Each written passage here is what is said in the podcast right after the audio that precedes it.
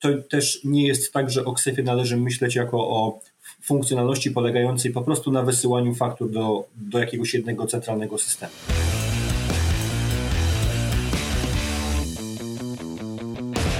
Dzień dobry Państwu, Anna Strzelecka, Kridoteka. Zapraszam na kolejny odcinek podatkowej międzymiastowej. Znowu połączenie Kraków-Warszawa. Moim gościem jest dzisiaj Michał Szwed, partner Crido w dziale biznesowo-technologicznym. Dzień dobry. I pomimo tego, że biznesowo-technologicznym, y, będziemy rozmawiać o podatkach, tak jak wskazuje na to tytuł podcastu. Bowiem Państwa chyba nie zaskoczymy, że skoro technologia i podatki, to oczywiście KSEF, czyli pojęcie y, odmieniane, a właściwie skrótowiec odmieniany przez wszystkie przypadki ostatnio. I jak Państwo znakomicie wiedzą, ten system będzie wdrażany z opóźnieniem kolejnym od 1 lipca 2024. I od razu pozwolę sobie podzielić się y, z Tobą, Michale, z Państwem y, takimi y, fragmentami rozmów z klientami, kiedy pytam, jak tam KSEF, a odpowiedź brzmi: O, to jeszcze po pierwsze tyle czasu, a po drugie firma informatyczna powiedziała, że się zrobi. I, e, I, ja wtedy e, dzwonię do Michała i mówię: Michał, jeżeli byś mógł, to porozmawiaj e, z klientem, że to się zrobi, nie do końca działa. Bo nie działa, prawda?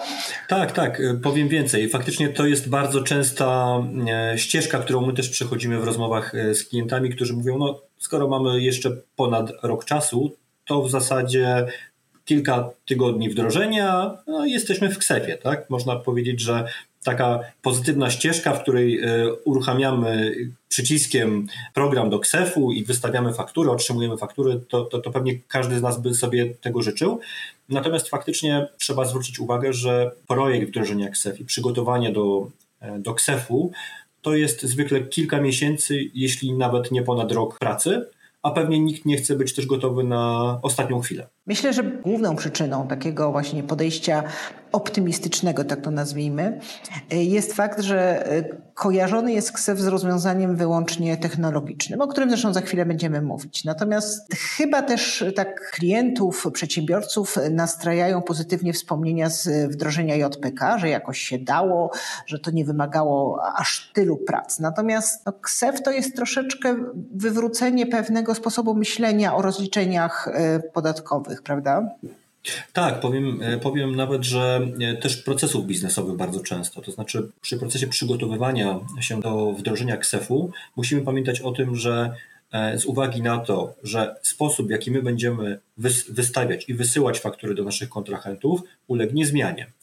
Tak samo wysyłanie załączników do, do faktur również najprawdopodobniej będzie wymagało zmiany. To powoduje, że myśląc o tym, w jaki sposób występuje obieg faktur w, w, organizacjach, czy to po stronie sprzedażowej, czy po zakupowej, no czeka nas niemała rewolucja. Po stronie sprzedażowej choćby właśnie wysyłka załączników, czy księgowanie faktur. E, po stronie zakupowej e, mamy cały obieg związany z wydatkami pracowniczymi, czy proces akceptacji faktur, który e, również będzie ulegał zmianie. Podobnie bardzo częsty przypadek dotyczy kwestii obiegu faktur korygujących, który też ulegnie znaczącej przebudowie. To wszystko powoduje, że w organizacjach, szczególnie bardzo dużych, tak, dużych, które wystawiają dużo faktur, jest to niemała przeprawa, żeby przygotować się na wdrożenie. Z kolei, żebyśmy byli gotowi na wdrożenie, musimy wiedzieć, co chcemy wdrażać. Zwłaszcza, że e, często w wyniku tych waszych prac przygotowawczych okazuje się, że wymagany jest też kontakt e, z kontrahentami, że to nie jest tylko kwestia po stronie przedsiębiorcy, a jak wiemy dogadać się z drugą stroną, no to zawsze zabiera dużo czasu. I właśnie to, o czym mówimy, to jest, rozumiem, ten etap wcześniejszy, nazywacie to analizą, analizą biznesowo-podatkową, a potem analizą techniczną, dlatego że e, jeśli pomyślimy o wdrożeniu KSEF-u, to mimo że widzimy na rynku, że są dostępne różne rozwiązania służące do tego, żeby zapewnić komunikację z KSEF-em, to zakres tego, czego tak naprawdę biznes potrzebuje, bardzo się różni. I tutaj to też nie jest tak, że o KSEF-ie należy myśleć jako o funkcjonalności polegającej po prostu na wysyłaniu faktur do, do jakiegoś jednego centralnego systemu. Wspomniane przeze mnie załączniki na przykład. Tak? U części klientów to będzie istotna kwestia, u części tego tematu nie mamy w związku z tym musimy wziąć e, również pod uwagę to, że to, co Państwo będziecie wdrażać w formie rozwiązania technicznego, jest skutkiem, efektem prac analitycznych. Tak? Każdy, każdy z nas będzie miał nieco inne potrzeby, nieco inne wymagania wobec tego rozwiązania, one niekoniecznie muszą wynikać, wynikać z przepisów. Czyli y, zakupienie tego narzędzia informatycznego bez tej analizy to jest trochę jak y, dokupić telefon do ładowarki, przy czym nie sprawdzając, jaką mamy ładowarkę. Czy będzie pasowało? tak, bardzo, bardzo ciekawe porównanie. Faktycznie y, to, to, to jest tak, że ja, ja się spotykam w praktyce z dwoma scenariuszami. Pierwszy jest taki, że trafia do mnie zapytanie od klienta, pomóżcie nam wdrożyć KSEF i rozpoczynamy wtedy proces analityczny, przygotowujemy całe ćwiczenie ksefowe rozpoczynamy właśnie od tego, żeby przeprowadzić analizę, ale też często widzę zapytanie o wdrożenie rozwiązania, gdzie mam niesprecyzowane wymagania wobec systemu. Tak? I, I, to jest, myślę, że to, to jest ta zła ścieżka, to znaczy wyjście od rozwiązania, gdzie ja nie wiem jeszcze, co chciałbym wdrożyć, e, to jest niestety scenariusz, który może prowadzić do, e, do klęski i do, potem do problemów z e, komunikacją z ksefem, a w rezultacie do problemów z wystawianiem faktur. Wiem, że wy po tej analizie biznesowo-technicznej oferujecie jeden z tych rodzajów telefonów, tak, czyli systemów informatycznych, które mają wspomagać właśnie w komunikacji z KSEF-em. Tak, mamy, mamy swoje rozwiązanie Kompas KSEF. To jest aplikacja, która ma na celu zapewnić e, naszym klientom łatwy sposób integracji z KSEF-em, albo właśnie w wariancie z integracją z systemami, albo bez integracji, w taki sposób, żeby mieć pewność, że e, komunikacja z KSEF-em jest ciągła, że jeżeli będą jakieś zmiany w schemie, będą zmiany, aktualizacje wynikające z przepisów na przykład, no to one będą oczywiście zachowane w, w tym rozwiązaniu, a z drugiej strony ma, ma to być też rozwiązanie kompaktowe, które no nie będzie skutkowało tym, że nasi klienci będą musieli za każdym razem modyfikować swoje własne systemy ERP czy systemy billingowe, bo zwykle ta ścieżka jest droga, e, kosztowna, czasochłonna, a nie zawsze, jak widzimy w praktyce, nie zawsze jest czas na to, żeby od, w czasie od komunikacji przez Ministerstwo Finansów zmian do schemy do momentu ich wdrożenia e, zdążyć się przygotować. Szczególnie jeżeli mamy w tle zespół centralny, grupowy, który opiekuje się systemem finansowo-księgowym, no to ta, ta ścieżka zwykle po stronie klientów jest,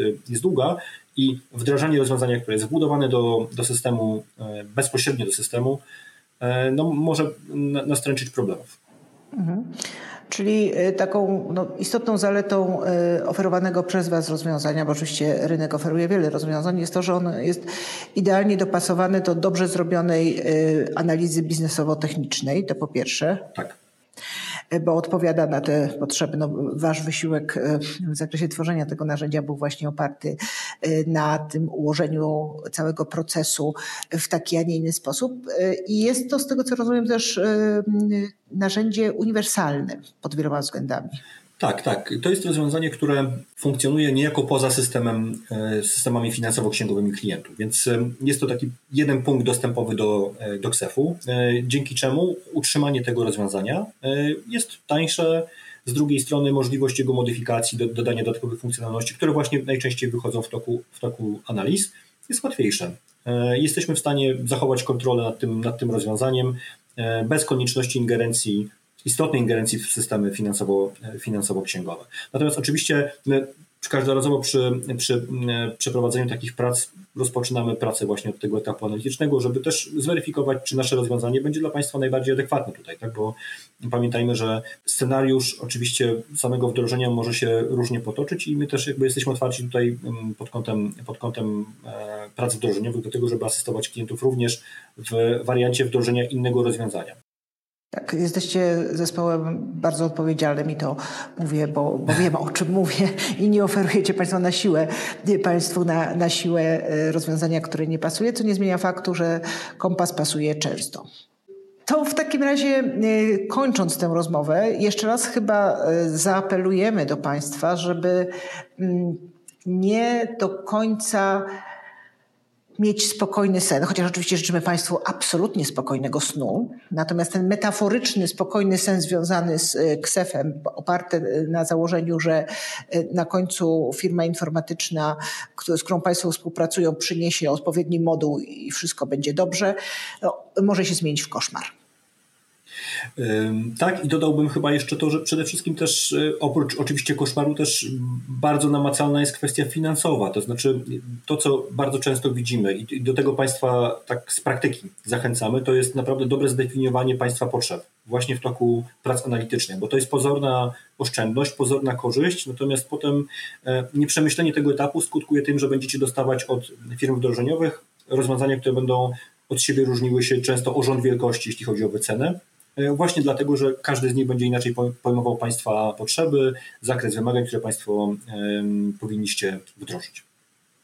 Bardzo dziękuję y, Michale, dziękuję Państwu i myślę, że to zdecydowanie nie jest nasza ostatnia międzymiastowa rozmowa na temat y, KSEF-u i jego wdrażania. W końcu zostało jeszcze trochę czasu i trochę problemów również.